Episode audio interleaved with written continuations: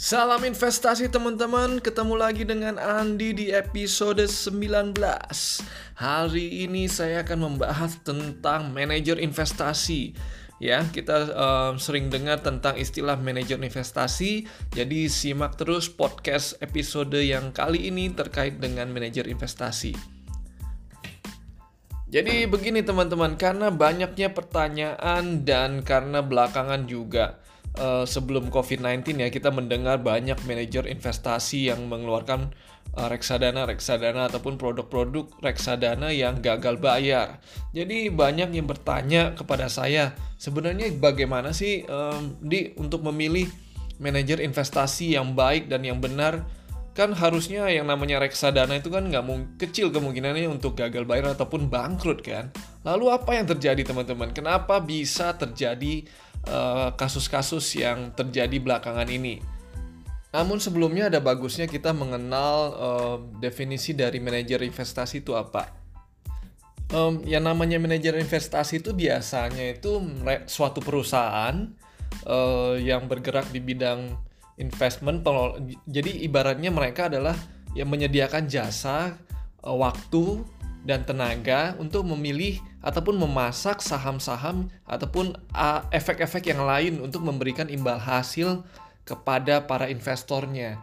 Jadi biasanya itu mereka mengumpulkan uang ataupun e, menerima uang dari dari investor mereka untuk mereka kelola e, untuk mereka kelola terhadap dan di, diinvestasikan ke perusahaan-perusahaan yang menurut mereka itu ke depannya mempunyai prospek yang cerah jadi itu yang seharusnya mereka lakukan dan mereka sebelum berinvestasi mereka melakukan analisa-analisa dari A sampai Z yang um, yang sangat terukur yang untuk karena mereka kan dibayar nih oleh investor. Ada yang namanya biaya pembelian, ada biaya manajemen fee, ada juga namanya biaya uh, redemption ataupun penjualan. Ada juga yang namanya biaya switching atau ataupun switching fee. Nah, hal-hal biaya-biaya ini akan dikenakan kepada investor. Jadi dengan kata lain mereka seharusnya punya tanggung jawab moral terhadap investor untuk memberikan servis mereka yang terbaik atau dengan caranya gimana? Dengan cara memilih perusahaan-perusahaan yang bagus dan yang terprospek ke depan ini dan ujung-ujungnya adalah memberikan imbal hasil yang menarik untuk investor. Nah, kalau di Indonesia manajer investasi um, top 5 yang terbesar adalah kurang lebih saya bisa sebutkan uh, Batavia, Mandiri, Bahana, kemudian ada Scruders dan Manulife.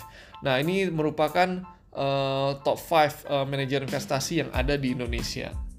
Karena yang namanya manajer investasi ini ini adalah jasa jadi uh, seperti tadi yang saya sampaikan, tugasnya mereka adalah melakukan analisa. Oleh sebab itu, teman-teman, kita harus uh, memilih manajer investasi yang benar. Jangan asal milih uh, manajer investasi karena berdasarkan satu teman uh, rekomendasi teman. Wah ini nih ada ke rekomendasi uh, manajer investasi yang baru. Serta merta kita langsung berinvestasi. Dan yang kedua berdasarkan um, karena dia baru contoh dia ini oh perusahaan baru nih harusnya nih anak-anak muda semua jago-jago semuanya. Nggak mesti gitu juga. Ataupun wah ini isinya orang uh, profesor semua nih nggak mesti juga teman-teman. Jadi ada beberapa tips yang saya ingin sharingkan kepada teman-teman terkait untuk uh, memilih manajer investasi yang baik ya kalau menurut saya ya yang paling penting adalah uh, teman-teman kalau kita memilih suatu uh, perusahaan yang bergerak di bidang jasa ataupun uh, ini dalam hal ini adalah manajer investasi, kita harus melihat dulu nih rekam jejak ini seperti apa. Bener nggak sih ini uh, manajer investasi ini punya kapabilitas untuk mengelola investasi? Nah, kemudian yang kita harus cek kemudian apakah perusahaan ini legal dan diawasi oleh um, otoritas setempat, ya kan? Nah, belum belum stop di situ aja, juga harus cek juga terhadap produk-produk yang dia tawarkan. Apakah produk-produk yang dia tawarkan ini dalam arti uh, mempunyai tingkat uh, tingkat yang tingkat investasi yang jelas ataupun menjanjikan sesuatu yang namanya manajer investasi itu dalam uh, dalam koridor tertentu harusnya tidak bisa menjaminkan uh, return tertentu kecuali pada investasi yang dijaminkan ataupun reksadana penjaminan. Jadi saran saya teman-teman bisa memilih manajer investasi yang mempunyai rekam jejak yang uh, yang panjang dan juga kita harus lihat juga ada namanya um, aset under management. Biasanya suatu investasi ataupun manajer investasi yang bagus biasanya memiliki dana kelolaan yang besar juga. Seperti tadi yang saya sampaikan, nama-nama manajer investasi mereka mengelola lebih dari 20, 20 triliun rupiah ke atas. Jadi mereka dalam segi eh, reputasi harusnya mereka akan sangat menjaga karena kenapa teman-teman? Bayangkan yang namanya yang manajer investasi baru ya kita nggak bisa tahu komitmen mereka terhadap pengelolaan dana investor.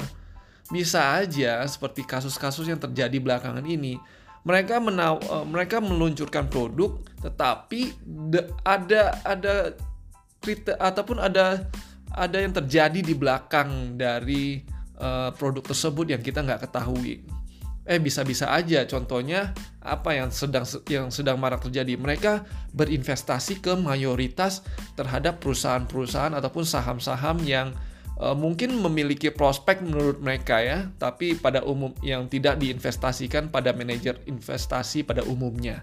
Hal ini dilakukan mereka uh, dengan tujuan tertentu. Saya nggak mau pointing ke satu ataupun dua manajer investasi tetapi ini banyak dilakukan belakangan ini di Indonesia. Dan teman-teman juga harus melihat cara mereka memasarkan produk mereka seperti apa. Jangan sampai um, teman-teman tergoda dengan iming-iming tertentu lah yang yang menjanjikan return-return tertentu. Padahal yang namanya reksadana eh, nggak uh, bisa tuh menjanjikan return-return tertentu yang namanya kepastian dalam suatu periode tertentu.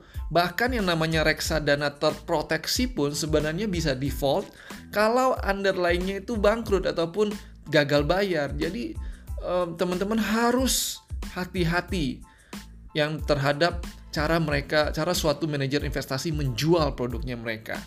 Oke, jadi kesimpulannya teman-teman, bagaimana uh, uh, tentang manajer investasi ini, yang pertama adalah manajer investasi ini bisa dibaratkan sebagai kokinya ataupun chef.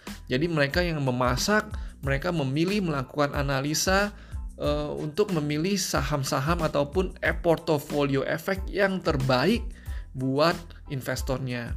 Itu yang pertama. Yang kedua, tips memilih uh, manajer investasi yang baik ataupun yang bagus adalah yang pertama kita lihat uh, rekam jejaknya, latar belakangnya, kita cari, kemudian um, legalitas tersebut, perusahaan tersebut, dan yang ketiga kita lihat um, dana kelolaannya, dan yang keempat kita melihat cara dia memasarkan produknya ataupun performa historical dari produk-produknya.